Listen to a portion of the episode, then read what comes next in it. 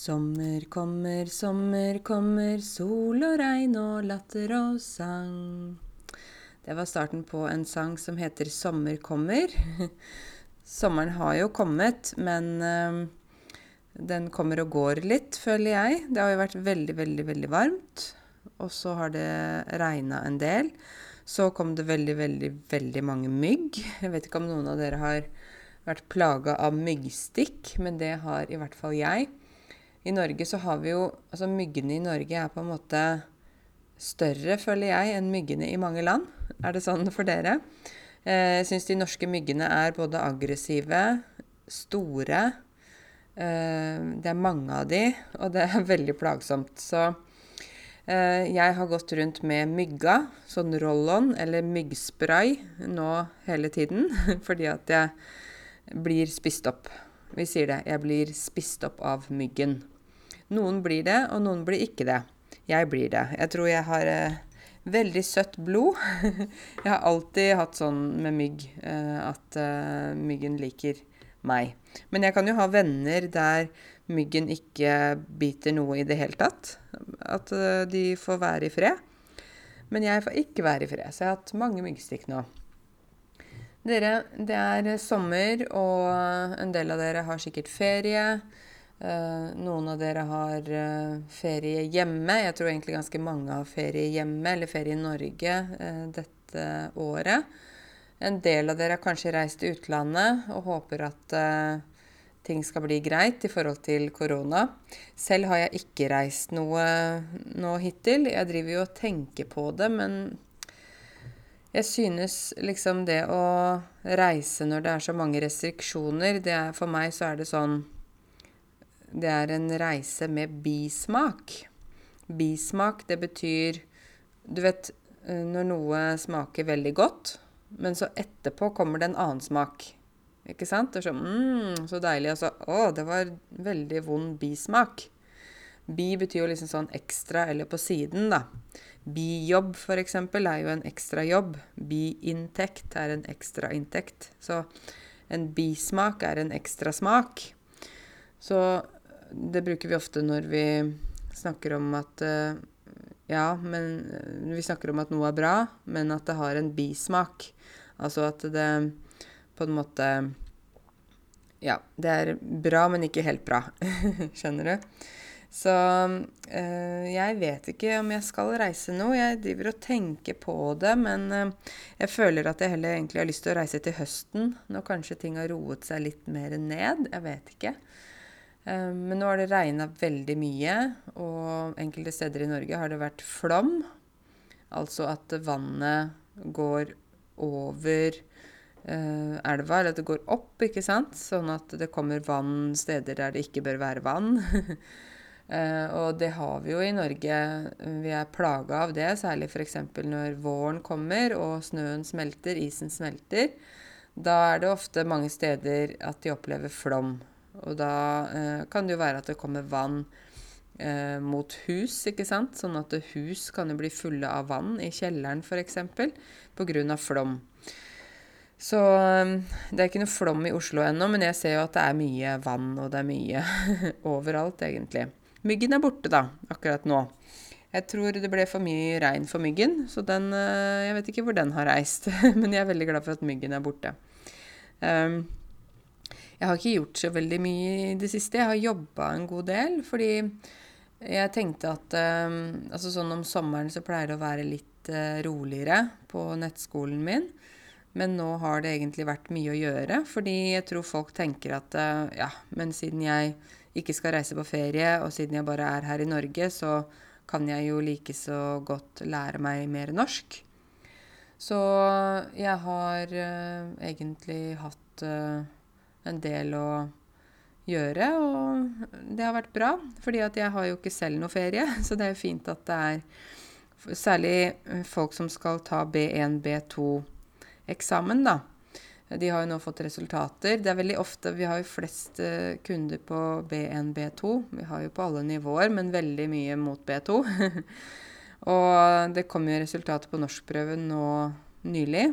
Og da de som ikke har bestått f.eks. B2 skriftlig, tenker nei, nå skal jeg ta Karenses-kurs, for nå, nå er det på tide.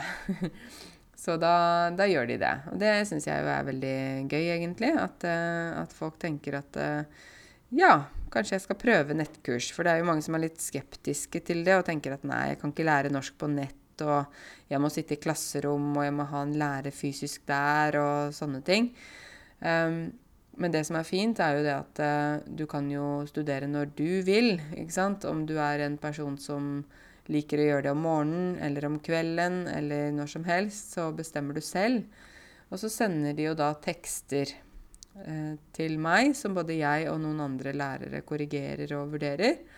Og um, da får de en ordentlig uh, liksom indikasjon på hvor de er nå, og hva de trenger å jobbe med for å bli bedre. Um, vi har jo uh, lærere som uh, jobber som sensorer for Kompetanse i Norge. sånn at de, de, sitter jo faktisk og vurderer ordentlige eksamener. Ikke bare sånne uh, tekster, men de vurderer faktisk norskprøver.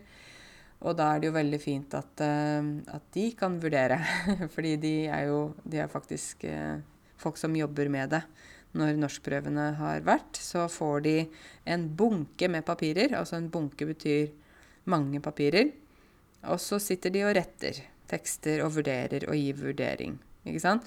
Sånn at dere som har klagd på skriftlig eh, prøve, at dere ikke var fornøyd med resultatet, eh, da er det jo Først har det vært én sensor som har korrigert og vurdert prøven din. Og så er du kanskje misfornøyd med resultatet, og du klager, og da blir den teksten sendt til en annen sensor. Fordi det er jo Vi er jo mennesker, ikke sant, så vi er jo ikke roboter, så det kan være at noen tar feil, eller at noen har vurdert feil. Det skjer jo av og til. Um, men hvis man klager, så kan man jo også risikere å få et enda dårligere resultat, eller man kan bli der man er. At det ikke blir noe endring, da. Sånn er det når man går på universitet og sånn òg. Hvis man klager der, så er det jo enten så kan man få eh, samme karakter, eller så går man opp i karakter, altså får bedre resultat, eller så får man dårligere resultat. Så det er jo en risiko man da tar, ikke sant, når man eh, klager på et resultat. Men nok om det, dere. Eh, jeg var når var det? På lørdag så var jeg på Blåfarveverket. Jeg var i min eh, hjemkommune. Jeg var i Modum kommune, som ligger i Jeg klarer fortsatt ikke å si Viken, jeg, altså. Jeg må si Buskerud.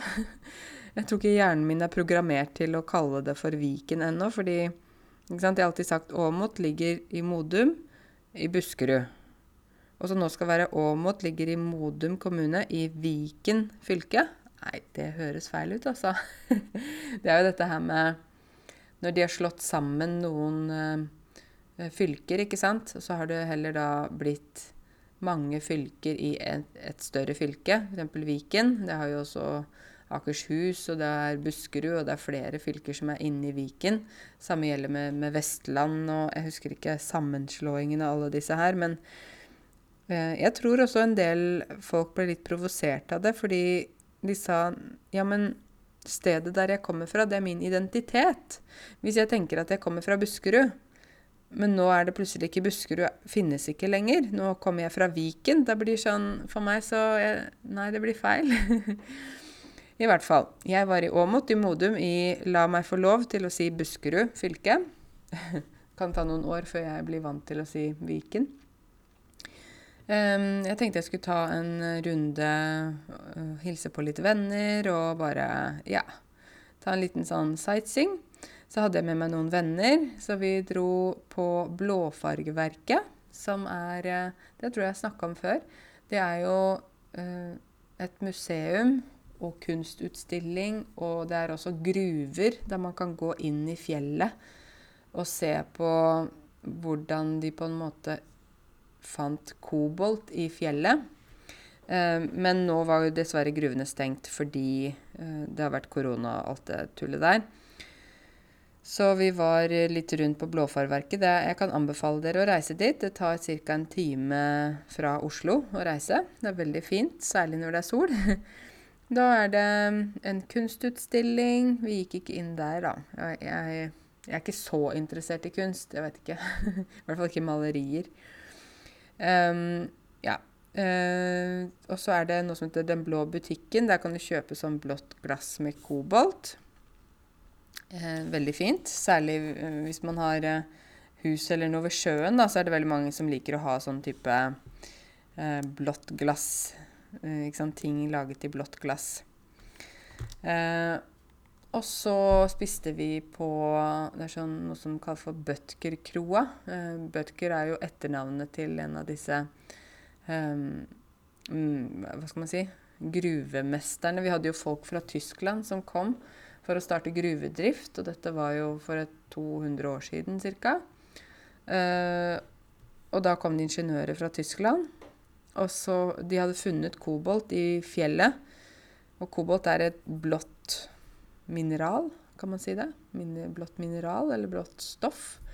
Uh, der man kan lage da Man kan bruke det til å lage sånn veldig fint blått glass. Man kan bruke det til å male på porselen, sånn veldig blått, ikke sant. Uh, veldig fint. Så eh, selv om de hadde funnet kobolt i fjellet, i berget, så trengte de folk som hadde kunnskap til å kunne utvinne det. Utvinne betyr å få det ut, da. ikke sant? Da kom det ingeniører og folk fra Tyskland som rett og slett de bygde opp et helt fantastisk system. Nå snakker vi om veldig lang tid tilbake, ikke sant? 200 år tilbake. Um, de hadde altså De lagde gruver, så de måtte jo, for å komme inn i fjellet, så måtte de jo sprenge. Og på den tiden så var det jo ikke Det var jo ikke sånne uh, tekniske hjelpemidler man har nå, ikke sant. De måtte brenne fjellet uh, og hakke seg innover. Uh, det tok lang tid. Men de bygde da opp et helt system med skoler for barna til de gruvearbeiderne.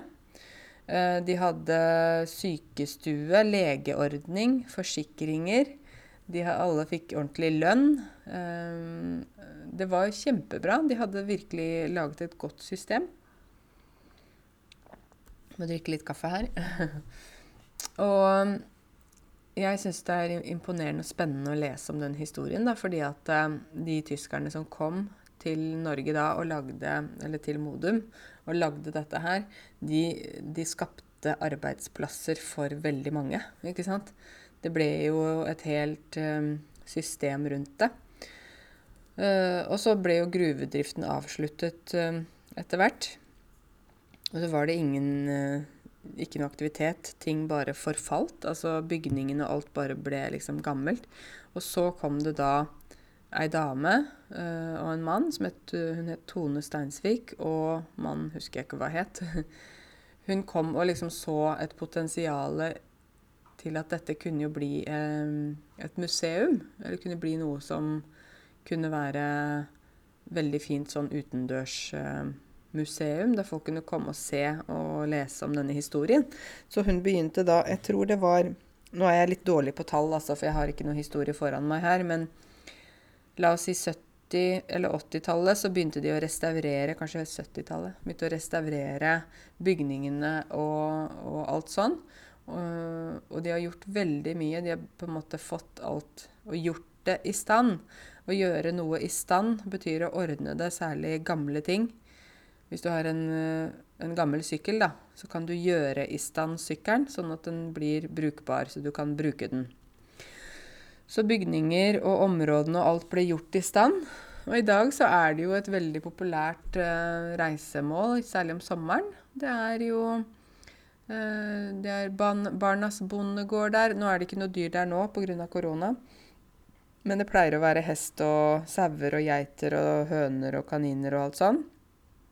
Og så er det eh, kafeer, det er eh, utstillinger, det er butikker.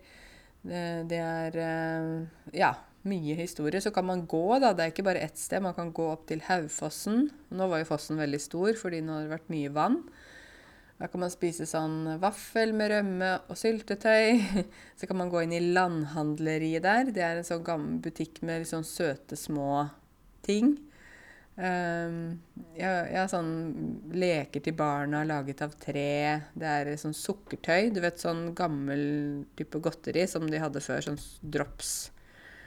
Det er såper. Det er, ja, det er veldig fint. Og så er det en butikk der med sånn steinprodukter også. Og så kan du gå videre til Nyfossum, som var liksom boligen der bergmesteren bodde, da. Bergmesteren var jo han som var sjefen for eh, gruvene. Da kan du se boligen der og gå inn i alle rommene og sånn. Og så eh, Nei, det er, eh, det er, skikkelig fint. Så hvis du kan, eh, kan, og vil ta turen i sommer, så anbefaler jeg deg å gjøre det. Det var Blåfarverket. Og så var jeg og besøkte min søster, selvfølgelig. Og nå har jo datteren hennes, Alma, hun har blitt stor. Hun er nå seks måneder. Og mammaen min sier at Alma ligner veldig mye på meg, egentlig, da jeg var barn. Så det er litt morsomt, da. Hun er veldig nysgjerrig og titter på meg. Titte bruker vi ofte når vi snakker om babyer. De ser, da. De titter. Hun titter på meg, og hun, eh, hun er veldig sånn tillitsfull, da. Um, og jeg hadde med noen leker til henne som begynte å leke. og Hun, har, hun snur seg rundt på magen og sånt nå, men hun er jo bare seks måneder, så hun, hun klarer nesten å sitte oppreist. Å sitte oppreist betyr at man kan sitte selv, ikke sant, og ikke trenger å ha eh, F.eks. sitte inntil sofaryggen, men de klarer å sitte selv. Så det er veldig gøy å se at hun vokser til. Å vokse til betyr at man blir større og ja, man eh, blir mer eh, Fra baby til barn, ikke sant. Da vokser man til. Så det er gøy å se. Det var veldig hyggelig. Og så var vi innom uh, Vikersund hoppbakke, som er liksom verdens største hoppbakke. Der også verdensrekord Anders Flannem har verdensrekord på skihopp skijumping. Så det er jo veldig utrolig. Og der var det jo eh, noen av vennene mine som gikk opp på toppen. Jeg hadde med meg Bahia, så jeg måtte passe på henne. Men de gikk altså Det er 1078 trinn fra bunnen og helt til toppen. Så de gikk opp, så sa jeg nå skal jeg love dere at dere kommer til å bli svette. Fordi eh, det der er skikkelig treningsøkt. Du kan tenke deg å gå 1000, over 1000 trappetrinn uten å stoppe. Vi stoppa jo litt, men de ble ganske slitne etterpå. Så da fikk de melkesyre i uh, låra, ikke sant. Uh, når du går trapper, så får du melkesyre, sånn at du kjenner at det, åh, det svir. um, og så fikk de jo se utover hele Vikersund, da. Uh, Vikersund er jo også i Modum kommune, så det var veldig fint. Og så reiste vi tilbake og innom mamma. Uh, hun bor jo i Lier kommune. Uh, og Lier er jo Mamma sier at hun bor midt mellom uh, Midt mellom meg og søsteren min. Så det er liksom 40 minutter for begge å reise til henne. Jeg har kanskje ikke fortalt dere Det er jo, det er jo altså Jeg snakker jo ofte om mamma, men jeg snakker ikke om pappa. Uh, og grunnen til det er jo at pappa døde i 2010. Um, jeg syns det er veldig rart å snakke om pappa i preteritum. Dere vet Preteritum er det formen av verbet som er fortid. Pappa døde i 2010 av lungekreft. Han, han fikk den diagnosen i desember 2009. Da husker jeg at jeg kom tilbake fra Hawaii. Vi hadde vært på Hawaii og besøkt en venninne som studerte der. Så kom jeg tilbake, og så syntes jeg pappa var litt rar. Eh, det var jo jul, ikke sant, og han var litt sånn Han snakka ikke så mye og var litt sånn rar. Og så ble han dårligere og dårligere. Mindre og mindre tale. Snakka ikke. Og så ble han lagt inn på sykehus. Og så måtte de jo ta masse undersøkelser, og fant da altså at han hadde svulster i hjernen. Tumor, altså kreft. Han hadde svulster i hjernen, tre store svulster i hjernen, og øh, lungekreft. Og pappa hadde jo røyka øh, hele livet, egentlig, altså fra han var kanskje 13-14 år. Han hadde ikke røyka mye, men han hadde røyka litt. Uh, og han hadde jo gått rundt med det her sikkert lenge, ikke sant? men da disse store svulstene begynte å bli enda større, så presset de på uh, hjernen hans, som igjen påvirket taleevnen hans. Han klarte ikke å snakke ikke sant? fordi han hadde disse svulstene inni, inni uh, hodet. Uh, og da var det faktisk sånn at det gikk Altså det var Ja, Det ble, var jul, og så var det nyttår. Det var helt forferdelig for meg og mamma og søsteren min. Det var grusomt, fordi han var jo bare 57 år, pappa. Uh, mamma og pappa hadde jo vært gift i 25 år. De hadde jo vært sammen uh, ja, fra mamma var 22 eller noe sånt. um, fikk jo meg da mamma var 23. På, på 80-tallet var det vanligere å få barn tidligere. Og pappa var veldig sprek, egentlig. Sprek betyr at du er eh, sporty, du er sterk, du er eh, Ja, du er i god form. Så han var veldig sprek. Han pleide å løpe én mil, altså ti kilometer, flere ganger i uka. Han var veldig aktiv sportsfisker, altså fluefisker. Fiska med flue. Eh, laks.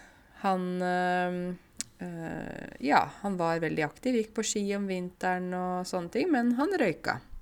Og jeg hater røyk. Eh, det har jeg alltid gjort. Eh, også før pappa eh, fikk den diagnosen. Men jeg syns liksom For meg så er røyk Jeg har alltid tenkt sånn Røyk er jo sånn til folk Hvis du skal begynne å røyke, da, så de første to, tre, fire, fem gangene, så liker du ikke den røyken. Ikke sant? Det smaker jo ikke godt de første gangene. Og da tenker jeg, hvorfor skal jeg presse meg til å like noe som ikke jeg liker de første gangene. Da kan jeg heller spise sjokolade. Fordi det er også usunt, men det er godt. Ja, Men eh, både jeg og mamma Rebekka, vi har aldri røyka. Vi har aldri prøvd. Aldri prøvd ett drag av en sigarett. Det betyr ett drag er sånn én, ikke sant? Sånn én gang. Aldri. Aldri prøvd røyk, og jeg vil aldri prøve det. Jeg er totalt imot det. Um, og jeg er veldig glad for nå å se at uh, ungdommene ikke røyker sånn som de røyka da jeg var ungdom, da. Fordi nå er det liksom ikke så kult lenger. Nå er det egentlig bare teit, fordi man skjønner at det der er bare skade bare på helsa. Så det har endra seg, da. Men uh, pappa røyka jo.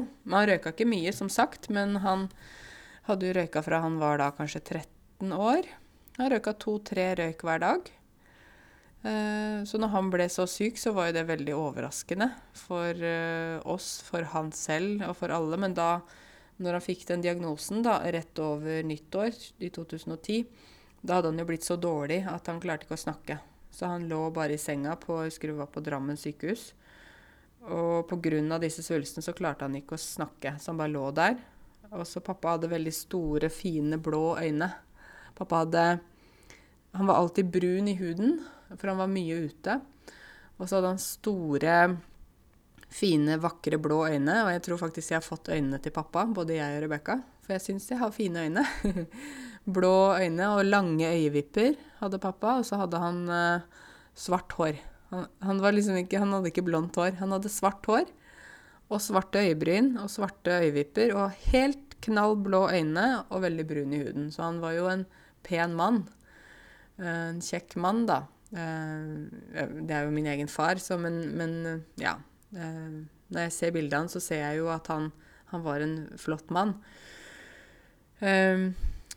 Og så har vi i familien en hjernekirurg, altså en lege som er kirurg, som jobber med å operere i hodet, hjernen.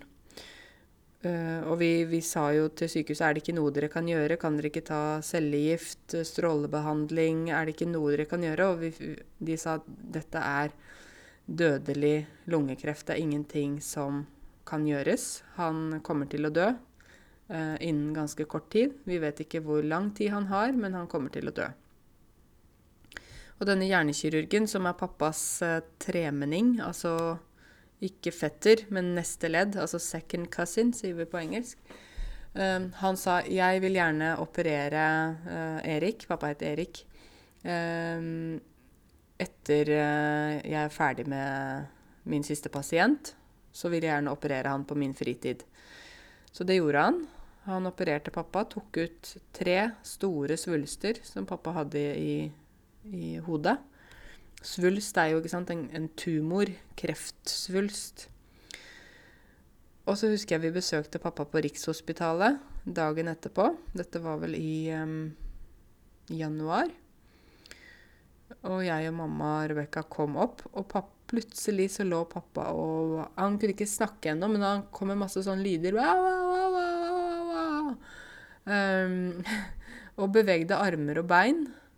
Og, og, det var helt sjokkerende, fordi han hadde jo hatt eh, disse svulstene i hodet, sånn at han var lam på halve sida. Altså lam, eh, paralyzed. Han kunne ikke bevege arme, arm og bein på halve sida av kroppen.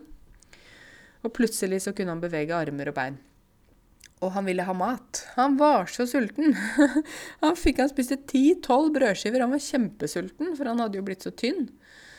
Uh, og så var det jo sånn da I løpet av den tiden så var det sakte, men sikkert at han, uh, han fikk talen sin tilbake, da. og det var jo noe som var veldig viktig for oss, fordi selv om han ikke levde så lenge etter den operasjonen, så fikk han talen tilbake. Vi kunne snakke sammen. Vi kunne si at vi elsker hverandre.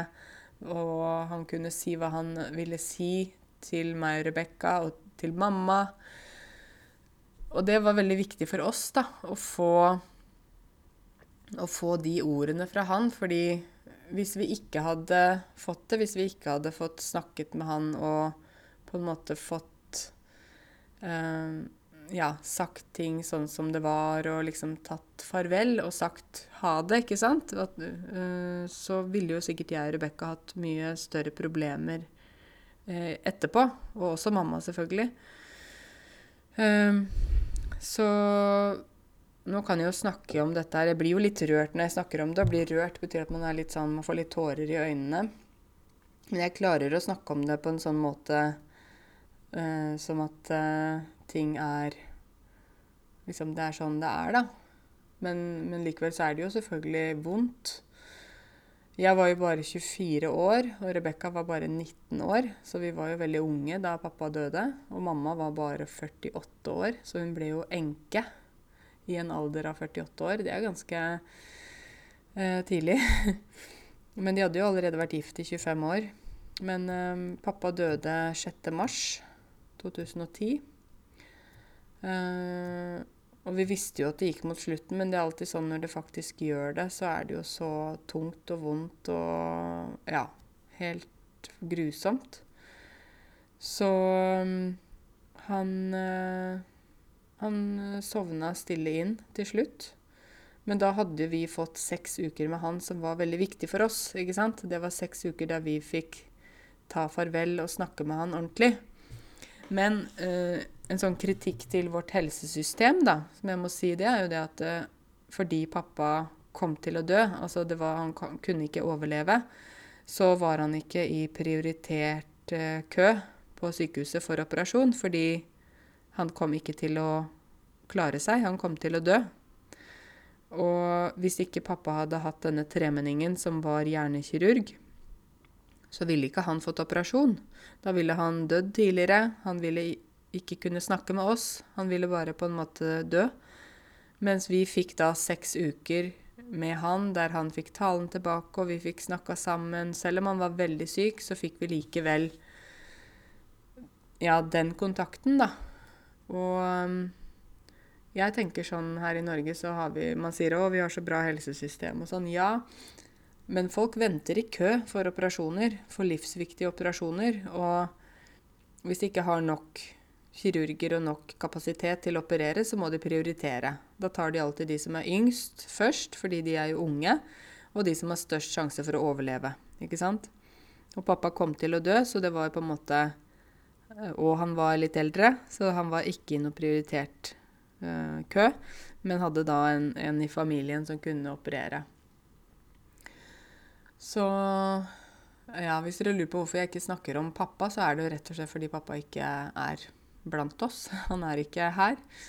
Um, jeg syns jo det er Nå har det jo gått ti år, ikke sant? Det er jo rart å tenke på at det er ti år allerede. Jeg besøkte jo grava til pappa selvfølgelig når jeg var i Åmot.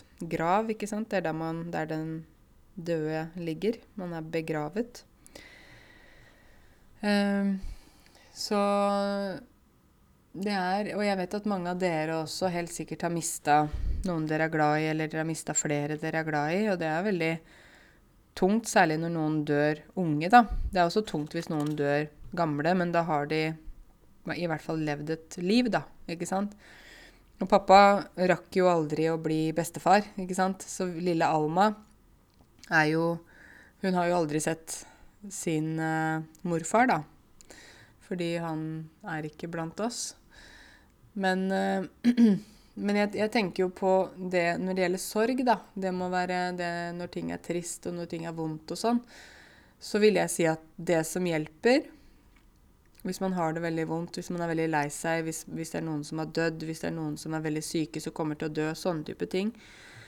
Når de dør, når de forlater oss, så er det sånn at um, Den første tiden så er det så forferdelig. Du kan begynne å gråte når som helst, hvor som helst. Uh, du kan gråte når du er på matbutikken, når du venter på bussen, du gråter på jobb. Du, du har ingen kontroll fordi du har en, en sånn ekstrem sorg inni deg. Um, men etter hvert som tiden går Jeg vil si at tiden er en veldig stor hjelp, da. Etter hvert som tiden går, så blir det lettere og lettere. For da blir det ikke så ferskt. Det er ikke så nytt, ikke sant. Man på en måte klarer å fordøye det. For vi fordøyer jo mat. Når vi spiser, så fordøyer vi mat i magen, så magen jobber med maten. Akkurat som når vi har sorg, så fordøyer vi også sorgen. Altså hele systemet vårt, kroppen, hjertet, hodet fordøyer sorgen, og det tar tid. Um, og det betyr jo ikke at man ikke er lei seg fortsatt. Men jeg går ikke rundt hver dag nå og er lei meg, eller våkner opp med at jeg gråter. Jeg gjør ikke det. Um, men det kan være av og til, da. ikke sant? Ting som skjer, eller jeg tenker på pappa, eller et eller annet. Og da, da kan tårene komme. Men da er det mer sånn det er ikke sånn ukontrollert gråting at jeg Ja. Så Men uh, mamma har jo uh, liksom Hun har sagt at nei, Erik, han var min største kjærlighet. Og jeg vil ikke ha en ny mann. Så hun, hun er enke, og hun, uh, hun, koser seg heller med venner og med familie og sånn. Hun, hun, sa at han var den store kjærligheten for meg.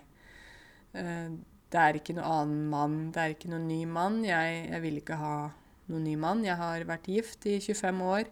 Jeg hadde min store kjærlighet som også pappa til mine barn, altså Rebekka og meg. Så det, det, holder, sier mamma. Og det, det tenker jeg at det, det respekterer jeg henne for, at hun, hun syns at det er Ja, at hun vil leve livet sitt med folk rundt seg som hun er glad i, istedenfor å løpe etter å finne en ny mann. så ja, sånn er det. Så det er derfor når jeg sier at når jeg eh, besøker mamma i Lier, så er det faktisk bare mamma. For mamma og pappa bodde jo i Åmot. Men eh, mamma solgte huset der etter hvert og flytta eh, til Lier. Hun ville flytte til et annet sted. Hun ville liksom starte litt på nytt, da, for det var så mange minner ikke sant, i huset i Åmot. Det var så mange ting som var vondt å tenke på. ikke sant? Eh, hun sover i senga, og plassen til pappa, han er ikke der. Hun drikker kaffe om morgenen, og stolen til pappa er tom. ikke sant? Så det blir for mange vonde ting. Sånn at uh, for henne var det veldig godt å flytte til et nytt sted og starte litt på nytt. Ny leilighet og nye omgivelser. Ikke sant? Ja. Så sånn er det. Men jeg vil bare si til dere at hvis dere har opplevd sorg, da, hvis dere har opplevd Ehm, ja, at noe har skjedd. At dere har mista noen dere er veldig glad i og sånn, så vil jeg si at uh, tiden er en stor hjelp. En annen hjelp er jo også selvfølgelig venner og folk rundt deg. Uh, også holde seg aktiv. ikke sant? Gå turer, gjøre noe. Uh, Istedenfor å bare sitte ned. Jeg vil si at uh, det også hjelper. Uh, men først og fremst tid. Man må gi det tid, og man må la seg selv få lov til å sørge. Å sørge betyr at man er trist, man har det vondt. Så ja. Nå var jeg jo litt personlig med dere, men jeg tenker jo det at dere Dere følger jo meg, og dere er veldig Ikke sant? Dere vet jo mange ting om meg, men for meg så er det Det er ikke noe problem å på en måte prate om, om dette her, fordi for meg, da, så tenker jeg øh, noe jeg ønsker å formidle, eller noe jeg ønsker å si videre, er jo bl.a. dette med at røyk er veldig skadelig. Eh, det tok livet til min far. Røyk, altså. Og er det noen av dere som røyker, så håper jeg dere tenker dere godt om og, og Jeg skal ikke bestemme om dere skal slutte å røyke eller ikke, men jeg må bare si det at det å miste pappa i en alder av 24 år, og Rebekka 19 år. Det var uh, ganske tøft. Ikke sant? Og hadde ikke pappa røyka, så hadde han fortsatt vært her. Så derfor kjenner jeg sånn når det gjelder røyk, så har jeg Ja, jeg syns det bare er helt forferdelig. Jeg, det kan jeg si, at jeg hater røyk. Det er ikke mange ting jeg sier jeg hater, men jeg hater røyk. så ja. Så vær så snill, hvis du røyker, tenk, tenk på det og, og vurder å slutte. Fordi når du har slutta, så sier de at hvert minutt du har slutta og ikke tar neste røyk, så forlenger du, så får du et lengre liv. For hvert, hver eneste sigarett for hvert minutt du ikke røyker. Mm. Sånn er det, dere. OK, det var veldig alvor. Dere vet, denne podkasten er jo sånn at jeg setter meg ned, og så skriver jeg liksom en liten liste over hva jeg skal snakke om, og så hva jeg har tenkt å snakke om. Uh, og så av og til så begynner, blir det noen andre ting. så jeg har ikke manus. Du vet, manus er det du har hvis du er skuespiller og er på teater eller spiller inn en film, så har du jo et manus, du har noen papirer som du må lære. Men jeg har ikke noe manus. Jeg har ikke, noe, jeg har ikke skrevet noen ting på forhånd. Eh, jeg bare snakker. Så vi sier på norsk at ja, Karense, du har snakketøyet i orden. Snakketøy betyr egentlig munnen min. Den, den fungerer bra. jeg kan snakke mye. Men det jeg har skrevet på lista mi her Jeg skrev Blåfarverket, og så skrev jeg uh, mygg, sommer, og så skrev jeg Norges uskrevne lover. Og det tenker jeg sånn litt på slutten. Nå har jeg snakka om veldig alvorlige ting, men jeg må snakke om litt sånn komiske ting òg, da. Vi må jo Livet er jo sånn, fullt av både alvorlige ting og morsomme ting og trivielle ting og sånn. Så her har jeg en bok foran meg som jeg kjøpte på bokhandelen. Den er skrevet av Egil Aslak Aursand Hagerup og heter 'Norges uskrevne lover'. Altså Norges lover, det er jo lovene vi lever etter, men dette er Norges uskrevne lover. Altså lover som ikke er skrevet ned. Det er liksom sånne sosiale eh, lover eller sånne sosiale ting som bare Det bare er sånn, ikke sant? Og her er det jo mange forskjellige eh, kapitler. Og han som har skrevet eh, eh boka, Egil Aslak Aursand Hagerup, står det her. Han jobber med å utvikle nye programmer i NRK og er på fritiden humortekstforfatter, kursholder og konferansier. Han har skrevet for satiremediehuset 5080, jeg vet ikke hva det er, og tegneseriene Lunch og Donald Duck. Han er utdannet statsviter, men forsøker fortsatt å skjønne hvorfor mennesker gjør som de gjør. Han har også utgitt 'Talerens lille sleipe', 'Norske standarder', en endelig avslutning på meningsløse diskusjoner, og i tilfelle dommedag, enkel beredskap for vanlige folk. Ja, Ok, Nå har jeg valgt ut noen kapitler her, da. Nå skal jeg lese og Dette er sånn ting som er typisk norsk, ikke sant? Som er sånn derre Dette er jo Norges uskrevne lover, så det som er uskrevent, er jo det som vi bare vet, men det er ikke skrevet noe sted. Men nordmenn vet det, og vi bare følger det. Men det er ikke så lett for de som ikke er norske å forstå. så nå skal jeg lese litt fra et kapittel som heter Helsevesenet her helsevesenet, det er jo ting som handler om helse. Alt fra lege til tannlege og sykehus. Da står det noen lover her, eller sånn hvordan det er. Da står det Venterom skal alltid ha abstrakt kunst på veggene og halvgamle magasiner på bordet. Og ingen skal vurdere om magasinene kan være en heftig smittekilde. Og det er sånn det er når man sitter og venter. Har du sett det? Det er alltid noe kunst på veggen, og så er det sånne magasiner som ligger på bordet. Ikke nå i koronatiden, men sånn ellers. Um, og så står det du skal stort sett alltid få antibiotika uansett hva som feiler deg. At eh, man føler at man får bare samme medisin. På et venterom skal du ikke anerkjenne at de andre menneskene på venterommet finnes. Det betyr at du skal liksom Det er akkurat som du sitter alene i det rommet. Eh, det er ingen andre som sitter i det rommet. Men du sitter sammen med andre, men det er ikke sånn at du sier 'hei'. Du bare sitter der og venter. Dersom du kjenner noen på venterommet, skal du late som du ikke kjenner ham eller henne, og hemmeligheten om at dere møttes der, skal tas med i graven. Dette er litt sånn humor, da. at du, Hvis jeg f.eks. sitter og venter, og så møter jeg naboen min der, på venterommet til legen min, da skal vi heller ikke snakke. Ja, det er litt rart, da. Jeg tror kanskje jeg ville sagt hei, altså. Når du blir kalt inn til legen, er det lov å ta seg litt ekstra på det stedet du har vondt, for å understreke at du faktisk har en grunn til å være der, og ikke bare er hypokonder. Så når du går inn til legen, så hvis du har vondt i kneet, så kan du off, off, off holde på kneet litt og gjøre litt sånn ekstra drama.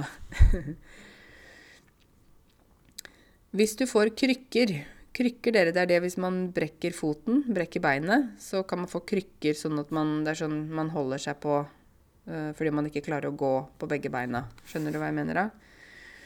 Dersom du får krykker, er det forventet at alle som har lyst, får prøve dem. Ja. Det er sånn det er. De som har krykker, da Det har jeg opplevd. Jeg har ikke hatt krykker, men, eh, men jeg har sett det at hvis noen kommer med krykker, så skal andre prøve de krykkene. Og så må du bare sitte og vente på, på det. Og det er liksom sånn det er står det en til her. Tannleger skal alltid prøve å få deg til å snakke etter at de har stappet masse ting inn i munnen din. det er altså sant. Da har du jo mange forskjellige greier i munnen, og så begynner de å snakke 'Hvordan går det på jobb?' Og så sier du Da er det jo litt vanskelig, da. Skal vi se. Jeg skal ta en til om gaver. Det er et annet kapittel. Gaver.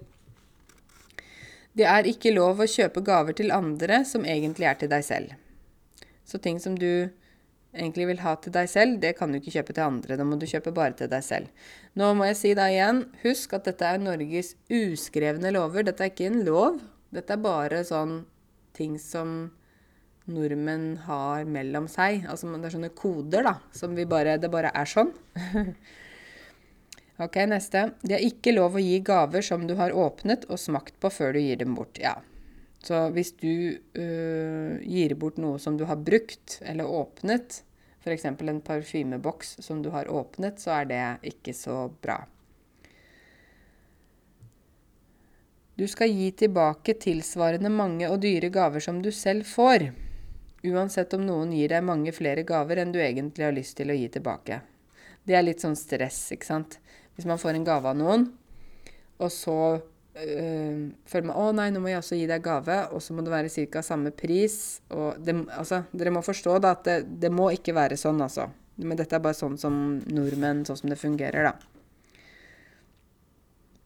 Hvis man mottar gave fra noen, skal man alltid gi gave tilbake ved tilsvarende anledning, med mindre man slutter å være venner. Sånn at hvis jeg har middagsselskap, og så får jeg gave fra noen, også hvis jeg blir bedt i middagsselskap til den personen neste gang, da skal jeg også ha med gave.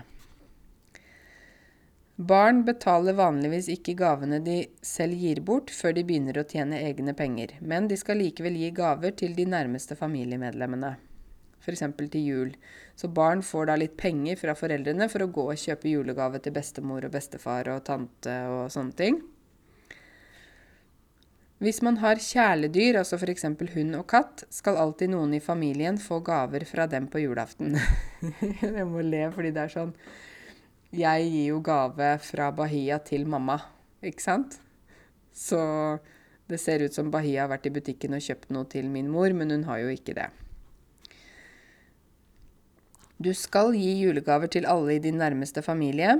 Om du så er nødt til å gi dem skrot de aldri kommer til å bruke, er absolutt alt bedre enn ingenting. Gjerne til venner også, men dette kan erstattes av at dere blir enige om å heller bruke pengene på å ta en øl sammen. Så du skal liksom gi julegave til de nærmeste, og av og til så eh, får du ting du ikke trenger, og du gir ting du ikke trenger. Ja. Konfirmasjons- og bryllupsgaver skal gjerne skrives ned, så du kan gi tilsvarende gave tilbake til tilsvarende familiemedlemmer. Tilsvarende betyr samme. Så hvis noen gifter seg og får f.eks. I Norge er det jo sånn at vi får ofte ting til kjøkken og til hus og sånn. Det er ikke sånn at vi bare får penger når vi gifter oss. Vi får um, kjøkkenting. Det kan være tallerkener, servise, bestikk, kjøkkenmaskiner, håndklær.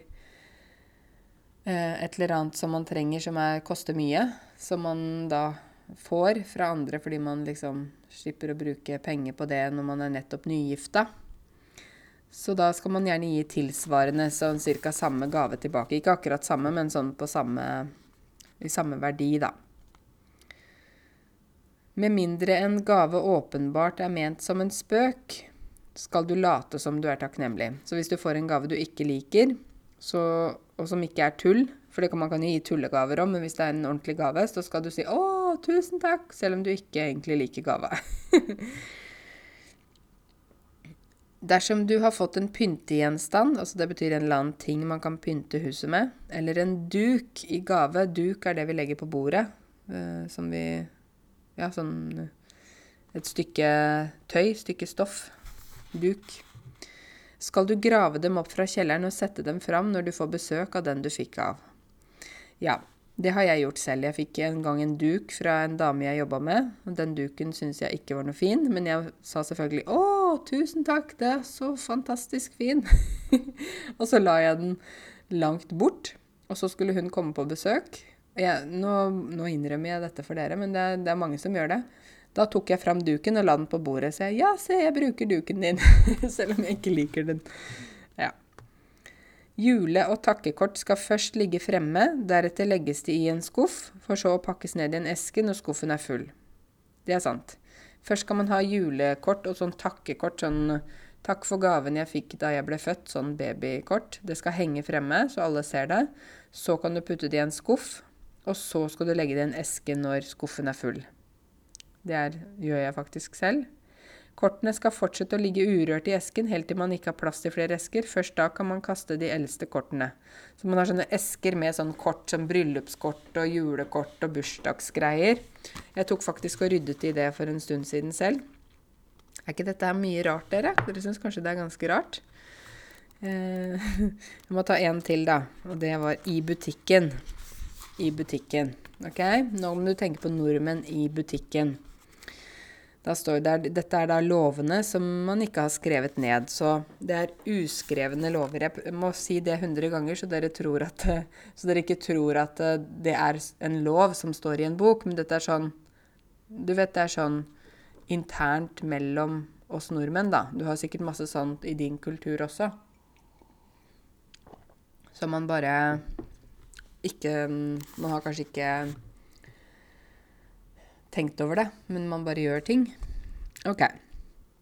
I butikken. Det er lov å slippe forbi personen bak deg i køen hvis du har handlevognen full av storfamiliens ukesforbruk, og personen bak deg skal ha én liter melk. Ja. Så hvis du står med en full handlevogn, ok, den er full, og bak deg står det en person som skal bare ha en melkekartong, én melk, da bør du og det er høflig å si 'du kan gå før meg'. Fordi det er veldig kjedelig for den personen som skal handle én liter melk, og vente på at du skal handle 50 ting. Ikke sant? Så da kan du si 'gå før meg', for det tar liksom ett minutt. Det er ikke lov å kaste ting på folk som sniker i køen, men det er lov å gi dem et blikk som viser at du har lyst til det. Så hvis noen sniker i køen, det der med kø, det er vi veldig strenge på her i Norge. Å, da blir nordmenn sinte hvis man går foran andre i køen. Man må stå i kø, og på en ordentlig måte. Og hvis noen sniker, altså at de går bare foran andre, da er det ingen som sier noe. Kanskje noen sier noe, men da får du skikkelig stygge blikk. Da ser de på deg og bare De dreper deg med blikket. Dersom du har tid, skal du alltid snu varene på samlebåndet, slik at strekkoden er klar til skanning. Hvis ikke mister du retten til å klage på lange køer. Altså hvis du har tid, da, så kan du ta uh, matvarene som snu det sånn at strekkoden, den de skal skanne, da står den der så det er veldig lett, for de slipper å snu rundt på varene hvis du har tid. Dersom du først ved kassen oppdager at det er noe du har glemt å kjøpe, har du maks ti sekunder på å hente det hvis det er kø bak deg. Ja, hvis du har lagt alle ting på båndene, og så tenker du 'Å nei, jeg glemte yoghurt'. Da har du ikke lang tid på å hente yoghurt. Da må du løpe, hente yoghurten og fort tilbake før den som sitter i kassa er ferdig med å skanne siste vare. Jeg har gjort det mange ganger. Det er lov å spørre om å få snike i køen om man har det travelt, men ikke hvis du roper. Du kan ikke si 'Jeg, jeg må gå foran deg'. Du kan si 'Unnskyld, er det mulig for meg å gå foran deg? Jeg har veldig dårlig tid, skjønner du'. Da går det greit. Man kan ikke lov å skrike ut 'Jeg vil gå først, jeg har dårlig tid'. Da er det ingen som vil hjelpe deg. Du skal hente fram lommeboka før du kommer til kassa. Ja, jeg er helt enig i det, jeg. Når du kommer når du skal betale, da skal du ha kortet gjerne, gjerne skal du ha kortet i hånda klart. Så du bare skanner kortet, og så trykker koden. Ikke begynne da når den personen har skanna inn i kassa, har skanna inn alle varene. Så begynner du å leite i veska. 'Oi, hvor er lommeboka mi? Skal vi se, skal vi se.' For da står folk i kø og blir irriterte for at du ikke er klar. Eh, det er lov å smake på én drue i butikken, men ikke to. Eh, det er ikke lov å smake på andre matvarer, heller ikke smågodt. Ja, det er sant. Så drue Nå er det jo druene ligger i sånne bokser, da, men før så var druene mer i sånn uh, Var løst. Da kunne man smake på én drue, uh, men ikke to druer. Og da skal man helst kjøpe druer. Det er ikke lov å ta jordbær. Smak på jordbær, det er ikke lov. Ikke lov å ta smågodt eller andre type frukt og bær eller noe sånt. Og dette er sånn vi bare vet, ikke sant? Og hvis du står og f.eks. smaker på en jordbær på butikken, og noen ser det, da blir de sure. Da får du sånn blikk. Dersom en butikk tilbyr smaksprøver, kan du bare spise én om gangen, men det er lov å spise flere hvis du diskré går forbi flere ganger. Ja. Hvis det er sånn smaksprøve, vet du, sånn f.eks. at det er noen nye matvarer, så står det noen og gir gratis smaksprøve, så kan du ta én, og så går du bort, og så hvis det var veldig godt, så vil du ta en til, men da må du bare gå forbi veldig stille og bare ta en ny Hvis det f.eks. var en kake, da. Ta en ny bit, og så gå rolig forbi. Skjønner dere? Dette her er litt sånn morsomme ting som bare er sånn Anbefaler dere å kjøpe den boka. Det er jo litt vanskelig språk, kanskje, men uh, ja. Norges uskrevne lover, altså. Uh, ja. Så hvis du har lyst, så prøv, prøv uh, og se den. Det står bak boka her. Så står det Boken du holder i hendene er den første nedtegnelsen av Norges uskrevne lover. Ingen vet hvem som har vedtatt de uskrevne lovene. Vi forsøker like fullt å følge dem etter beste evne. Finner du en mistet hanske på veien, skal du henge den opp i treet. Sitter du på bussen, skal du ikke snakke for høyt i mobilen. Er du i utlandet, skal du savne brunost, selv om du kanskje ikke spiser det når du er hjemme. På mange vis er det disse lovene som gjør oss norske. Og likevel har vi etter 200 år med grunnlov ikke skrevet dem ned ennå. Ikke før nå. Så anbefaler dere å kjøpe den boka. Lese litt. Det er morsomt. Ok, men da tenkte jeg at jeg skulle gå på butikken nå. Jeg skal stille meg i kø. Jeg skal uh, sette alle varene klart til skann. Jeg skal finne frem lommeboka mi, så jeg er klar til å betale. Eh, og ja, hvis det er noen bak meg som har mindre varer, uh, færre ting enn meg, så skal jeg slippe de foran meg. Yes, OK. Jeg håper at dette var en interessant podkast, både med, med alvor og humor på alt på en gang. Og så vil jeg si ta vare på dere selv, og kos dere der dere er i sommer. Kom med myggen, så kjøper dere myggspray med en gang. OK. Ha det godt, og vi snakkes.